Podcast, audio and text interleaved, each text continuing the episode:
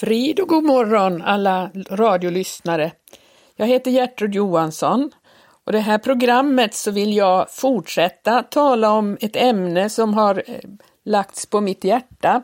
Jag skulle vilja informera och upplysa om vad det stora Babylon är för någonting som omtalas i Uppenbarelseboken.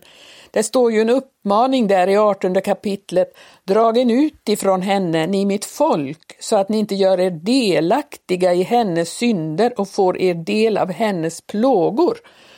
Och jag förstår ju utav detta att Guds folk är där, men borde inte vara där, borde dra ut. Och för att kunna dra ut så måste man ju ha medvetenhet om vad det är för någonting, detta Babylon.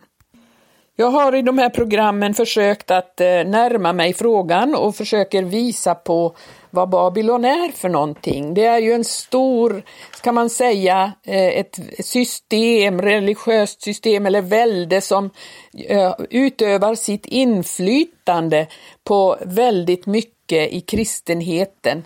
Och jag, jag har noterat att det står så här i 17 kapitlet i Uppenbarelseboken att eh, denna Babylon är moder till skökorna och styggelserna.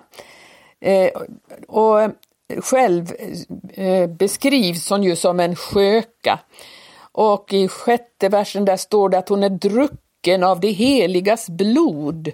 En onykterhet som handlar om att eh, hon har druckit av det heligas blod. Det låter ju förskräckligt. Och i 18 versen står det att hon har välde över jordens konungar. Och i 18 kapitlet så står det i vers 5 att eh, hon har synder, hon har orättfärdiga gärningar och i 23 versen står det att hon utövar trolldom och att hon bedriver otukt med jordens konungar. Och allt detta är ju förskräckliga saker, men vi måste ju förstå vad det är och hur detta går till. Hur går det till? Hur sker hennes påverkan och, och eh, hennes inflytande? Hur kommer det till stånd? Och jag tänkte att vi ska titta lite i Matteus 13 13 på liknelserna som är där, för där kan man kanske i någon mån få en förståelse för hur går detta inflytande till. Vi ska läsa i eh, Matteus 13 från 24 versen. Där säger Jesus så här. En annan liknelse framställde han för dem. Han sade med himmelriket är det så som när en man sådde god säd i sin åker. Men när folket sov kom hans ovän och sådde ogräs mitt ibland vetet och gick sedan sin väg. När nu säden sköt upp och satte frukt så visade sig och ogräset. Då trädde husbondens tjänare fram och sade till honom, Herre, du sådde ju god säd i din åker, varifrån har den då fått ogräs? Han svarade dem, en ovän har gjort detta. Tjänarna sade till honom, vill du alltså att vi skola gå stad och samla det tillhopa? Men han svarade, nej, ty då kunde ni rycka upp vetet jämte ogräset när ni samlar detta tillhopa. Låt båda slagen växa tillsammans intill skördetiden. Och när skördetiden är inne vill jag säga till skördemännen, samla först tillhopa ogräset och bind det i knippor till att brännas upp och samla sedan in vetet i min lada. Och så kan vi då läsa i vers 37 så står det så här, då står det faktiskt en uttydning av denna liknelse. Där står det så här att den som sår den goda säden är människosonen. Åkern är världen och den goda säden det är rikets barn, men ogräset är ondskans barn. Ovännen som sådde det är djävulen och skördetiden är tidens ände och, så, och skördemännen är och änglar. Så som nu ogräset samlas tillhopa och brännes upp i eld, så ska det också ske vid tidens ände. Människosonen ska då sända ut sina änglar och de skulle samla tillhopa och föra bort ur hans rike alla dem som är andra till fall och dem som göra vad orätt är och skulle kasta dem i den brinnande ugnen. Där ska vara gråt och tanda gnisslan. Här kan vi se hur det, hur det går till. För det står ju så här att utsädet som Jesus eh, sår i, i åkern, eh, Eh, vilket är världen då. Eh, åkern är världen och där sår Jesus ut utsädet. Det är rikets barn, det är pånyttfödda människor som går ut och är utsända av Jesus. Vi förstår ju att det är helt enkelt Guds folk som är utsända, för Jesus säger ju gå ut i hela världen och gör alla folk till lärjungar. Och det handlar ju om att vittna, att tala och det handlar också om att leva och genom sitt liv och sin livsstil visa på ett annat rike rike, vilket är då himmelriket eller Guds rike. Och vi förstår ju att himmelriket i de här liknelserna är ju inte himmelen, utan det är eh, den, det som är i tiden som ännu inte är fullkomligt, utan här finns det då också andra företeelser under tidens gång i detta himmelrike som eh, utövar sin påverkan, för då förstår vi ju att om nu eh, eh, utsädet är rikets barn så står det ju då också att ogräset är ondskans barn. Det är helt enkelt andra människor, människor som inte är födda på nytt av Guds ord och av Guds ande, utan de är där men ger sig ut för att vara kristna och, eh, och eh, där utövar sitt eh, inflytande på dessa sammanhang där de är. Och då förstår vi ju att, att människor som talar Guds ord, de sår, den goda säden fortsätter att så och eh, de som talar andra ord, det är de som eh, utövar ett inflytande och får in de här främmande tingen i i eh, kristenheten. Och det har skett mycket sedan den tiden när Jesus gav de här liknelserna. Han visste precis hur det skulle se ut. Vi vet också om eh, liknelsen om senapskornet. Det står i vers 31 Eh, i Matteus 13 så står det så här, en annan liknelse framställde han för dem. Han sa, himmelriket är likt ett senapskorn som en man tager och lägger ner i sin åker. Det är minst av alla frön, men när det har växt upp är det störst bland kryddväxter. Ja, det blir ett träd så att himmelens fåglar komma och bygga sina näster på dess grenar. Ja, det är inte meningen att det ska vara ett träd där himmelens fåglar kan komma och bygga sina nästen.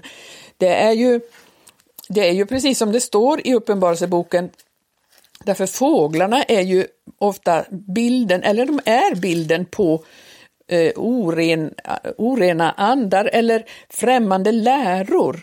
För det, det står ju att eh, eh i, i 18, Johannes uppenbarelse, boken eh, kapitel 18, så står det i andra versen Fallet, fallet är det stora Babylon. Det har blivit en boning för onda andar, ett tillhåll för alla slags orena andar och ett tillhåll för alla slags orena och vederstyggliga fåglar. Fåglarna ska inte bo där, de är orena andar, ett tillhåll, de håller till där. Alla dessa olika läror har fått, sitt, eh, eh fått plats i detta stora som har byggts upp. Det har byggts upp någonting, någonting eh, onaturligt stort utav det. Vi kristna, vi är ju så fascinerade utav dessa stora sammanhang. Ju större de är, desto mer tror vi och tycker vi att det är ett bevis på att detta är ett Guds verk. Många gånger så har det istället muterat och blivit något helt annat än vad det skulle vara. Dessa små församlingar som på varje lokal plats skulle fungera som, eh, som en en kryddväxt som eh, genererar nya frön som kan fortsätta att sprida vidare evangelium. En, eh, ett senapskorn, det läggs ner för att det ska eh, växa och generera nya senapskorn. Det ska, det ska inte bli ett träd där fåglarna kan bygga sina bon. Då ser vi i verkligheten hur det har blivit. Det har blivit en, en sådd som bredvid den äkta sådden växer upp och har, hämtar sin näring ur samma åkerjord men blir någonting helt annat. Och, och då blir det dessa kyrkor. Vi pratade om det förra gången, att det, Gud har aldrig gett oss en befallning att bygga kyrkor. Alltså, Visst kan man väl bygga en lokal där man kan samlas för att man eh, behöver, eh, behöver kunna samlas någonstans, men den lokalen är inte mer helig än vilken annan byggnad som helst. Vi gör gärna detta att där placerar vi Gud, där placerar vi det andliga och så lever vi vårt liv utanför, precis som alla andra människor och så går vi dit och, och tror att där är det extra heligt att vara. Nej, församlingen är ju en byggnad som kommer av Gud och det är vi som är stenarna och vi ska vara vandrande tempel där vi är. Och därför så har kyrkorna blivit ett substitut, en, någonting eh, som man har istället för det Gud ville göra i våra liv. Man har där också eh, ordnat med läror som egentligen vilseleder människorna. Vi har till exempel sakramentalismen som är en främmande lära. Man, man lär att om du bara gör det här eller det här, det finns då barndopet, man har nattvarden, man har konfirmationen och de här sakerna. Och så lär man ut att bara du uppfyller de här sakerna, då blir du frälst. Och så är det, är det klart med detta med det eviga. Sen kan du gå omkring och leva precis hur du vill resten av din tid. Nej, det är en falsk frälsningslära som har lett människorna eh, till fördärvet därför att man invaggar dem i en falsk säkerhet, att sakramenten är nådamedel som i sig räcker. Och så har man kommit bort ifrån den här äkta förkunnelsen där det handlar om att vända om till Gud, att eh, gå gå en annan väg och följa Jesus istället för att gå efter denna världens sätt. Och så, och så har man fått bort den skarpa förkunnelsen som fördömer all slags synd och orenhet och så, och så vaggar man in människorna i en falsk säkerhet. Det är fruktansvärt. I detta så finns det väldigt mycket som eh, tilltalar den opånyttfödda människan. Man tycker om det här med dessa vackra kyrkor med konst och kultur och förfining. Man har körsång, man har konserter, man har prästskrudar, man har ritualer och, och så eh, får man en slags eh, tillfredsställelse för sitt själiska Ehm, eh, eh, sin själiska människa. Alltså det är själiskt, det är inte andligt. Och så förväxlar man det med det andliga och tror att, att det är så det ska vara och att det räcker. Denna, denna sköka eh, inbillar människorna så mycket och, och eh, fördunklar så att man Eh, Eh, neutraliserar det, det Guds ord som skulle bli människorna till hjälp och till omvändelse och man, eh, man, eh, man påverkar så att människorna kan inte längre bli frälsta. Man blir istället immuniserad emot ett sant budskap och så upplever man att det sanna budskapet är obehagligt och, och man blir helt enkelt onykter. Det är en slags eh, onykterhet i detta. Vi kan läsa eh, om dessa människor som förkunnar ett falskt evangelium. Det finns så mycket sånt. Det, det kan vi hitta eh, exempel på både i gamla och i nya testamentet. Vi sa ju det att ondskans barn, det är den, den eh, falska sådden, alltså den eh, onda sådde, den ovännen sådde detta i, i det himmelrike där det skulle vara Guds ord som skulle förkunnas. Nej, då har man förkunnare som förkunnar ett annat evangelium, en, har en annan ande och en annan påverkan. Människor som är utsända av den onde för att förvirra. I Jeremia 23 kapitlet så kan vi se exempel på ganska mycket av det här. Det står så här i första versen där, ve över de herdar som fördärvar och förskingrar fåren i min jord. Och vi kan läsa vidare i vers 9 om profeterna så säger, säger Eh, Gud genom Jeremia. Mitt hjärta vill brista i mitt bröst, alla ben i min kropp är vanmäktiga. Jag är så som en drucken man, en man överväldigad av vin inför Herren och inför hans heliga ord. Ty landet är fullt av äktenskapsbrytare, under förbannelse ligger landet sörjande och betesmarkerna i öknen är förtorkade. Man hastar till vad ont är och har sin styrka i orättrådighet. Ty både profeter och präster är gudlösa. Ända inne i mitt hus har jag mött deras ondska, säger Herren. Därför ska deras väg bliva för dem såsom en slipprig stig i mörkret. Jag skola på den stöta emot och falla, ty jag vill låta olycka drabba dem när deras hemsökelsesår kommer, säger Herren. Väl såg jag och hos Samarias profeter vad förvänt var. Det profeterade i Bals namn och förde mitt folk Israel vilse. Men hos Jerusalems profeter har jag sett de gruvligaste ting. De lever i äktenskapsbrott och fara med lögn. De styrka modet hos dem som gör ont, så att ingen vill omvända sig från sin ondska. Det är alla för mig såsom Sodom och stadens invånare såsom Gomorras. Och så säger han i 16 versen. Så säger Herren Sebaot, hör icke på de profeters ord som profeterar för eder, ty det bedraga eder.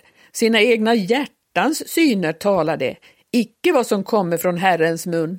Det säger alltjämt till dem som föraktar mig, Herren har så talat, det ska gå eder väl. Och till var och en som vandrar i sitt hjärtas hårdhet säger de, ingen olycka ska komma över eder, vilken av dem har då fått tillträde till Herrens råd så att han kan förnimma och höra hans ord? Och vilken har aktat på hans ord och lyssnat därtill? Och i 21 versen, jag sände icke dessa profeter utan själva lupade och stad. Jag talade icke till dem utan själva profeterade det. Om de verkligen hade tillträde till mitt råd så borde de förkunna mina ord för mitt folk och förmå dem att vända om från sin onda väg och sitt onda väsende. Ja, och i 28 versen så står det, den profet som har haft en dröm, han må förtälja sin dröm, men den som har undfått mitt ord, han må tala mitt ord i sanning. Vad har halmen att skaffa med säden, säger Herren. Är icke mitt ord så som en eld, säger Herren, och likt en hammare som krossar sönder klippor. Se, därför ska jag komma över profeterna, säger Herren, dessa som stjäla mina ord, den ene från den andra. Ja, jag ska komma över profeterna, säger Herren, dessa som frambära sin egen tungas ord, men säga så säger Herren. Ja, det finns väldigt mycket sådana falska profeter. Vi kan fortsätta att läsa om sådana i Petri brev. Eh, särskilt i andra Petri brev finns det många exempel på detta. Eh, vi, kan, eh, vi kan läsa där i andra Petri brevets andra kapitel står det första versen, men också falska profeter uppstod bland folket, liksom jämväl bland eder falska lärare ska komma att finnas vilka på smygvägar ska införa fördärvliga partimeningar och draga över sig själva plötsligt fördärv i det att de till och med förnekar den Herre som har köpt den. De ska få många efterföljare i sin lösaktighet och för deras skull skall sanningens väg bliva smädad. Och i sin girighet skola de och med bedrägliga ord bereda sig vinning av eder.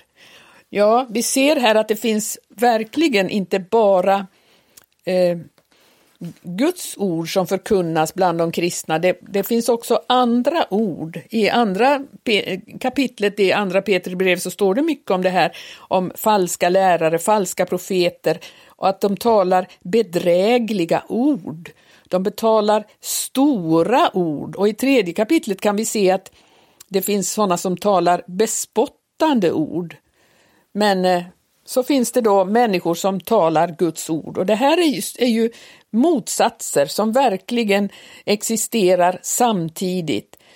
Vi måste vara verkligen eh, medvetna om att det finns mycket som är osunt. Alltså Guds ord talar också om att vi måste ha sunda ord. Det finns eh, Många som förkunnar ett, ett, ett, en billig nåd, de, de är, man kan kalla dem lyckoprofeter, som har, deras tal har bara en sövande inverkan och det blir en osundhet och en andlig onykterhet. Och där, det kan vi hitta exempel på i, på flera bibelord.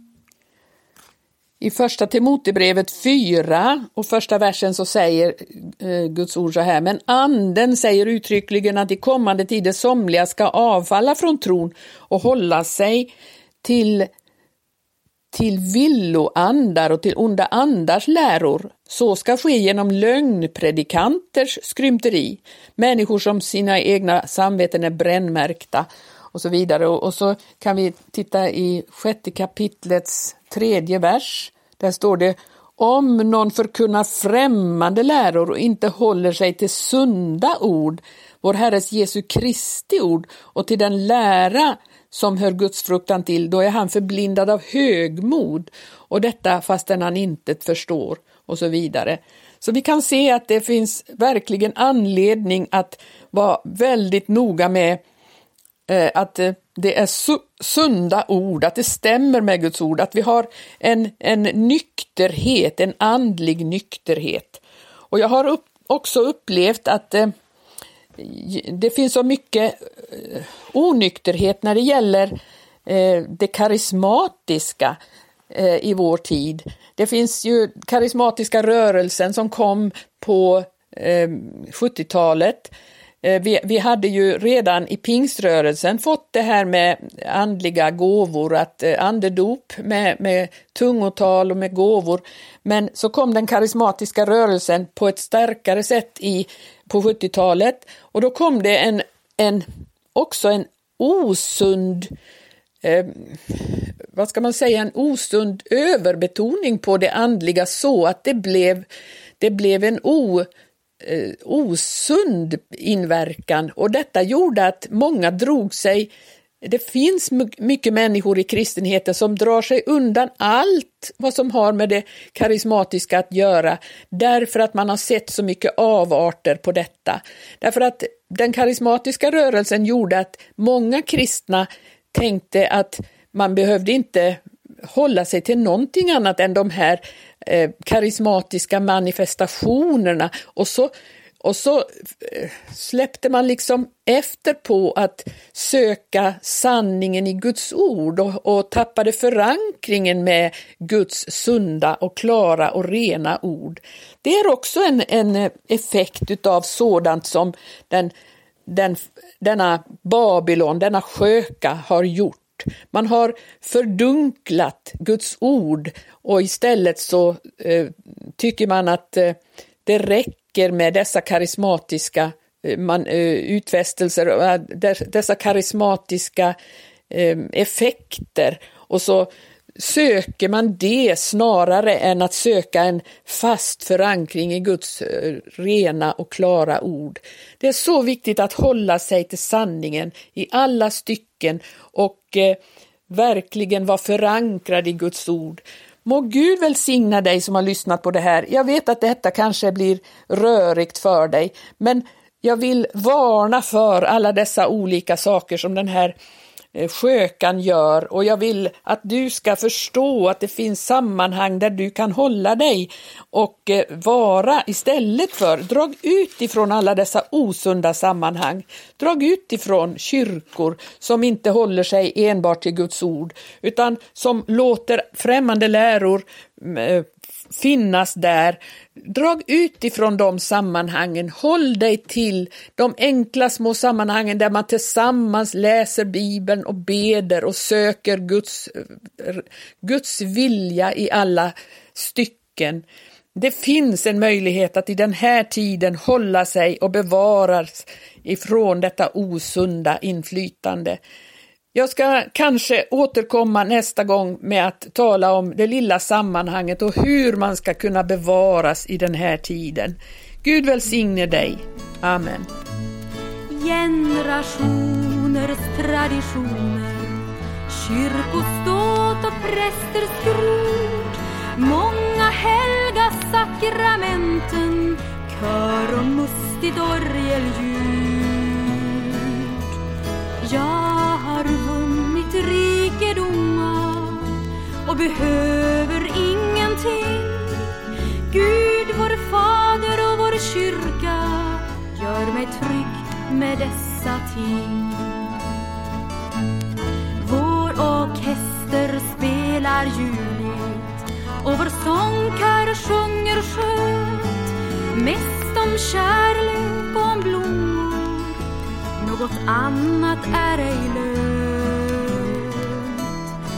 Söder i kanten sårar ringen, talar kärleksfullt och bra. Och hans ton den är så vänlig, läran sån som vi vill ha. Men så plötsligt spricker bilden, det är ordets skarpa svärd. Du är fattig. Naken, blind och ömkansvärd. Se, jag klappar en på dörren Öppna nu, är Jesu bud. Jag med dig vill hålla måltid Ge gemenskap med din Gud.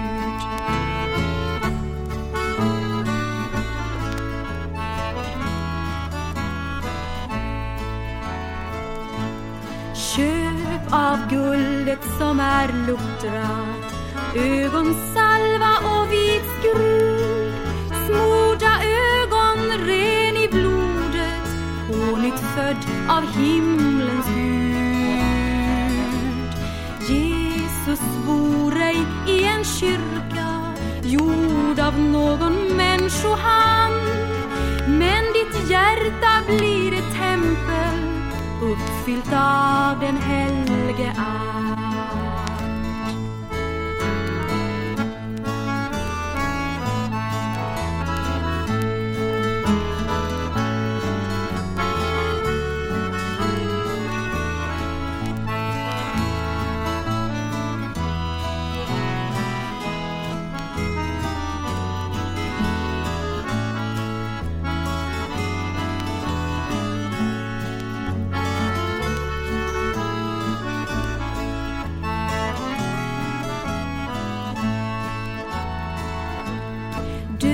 Döpa barn är kyrkans lära.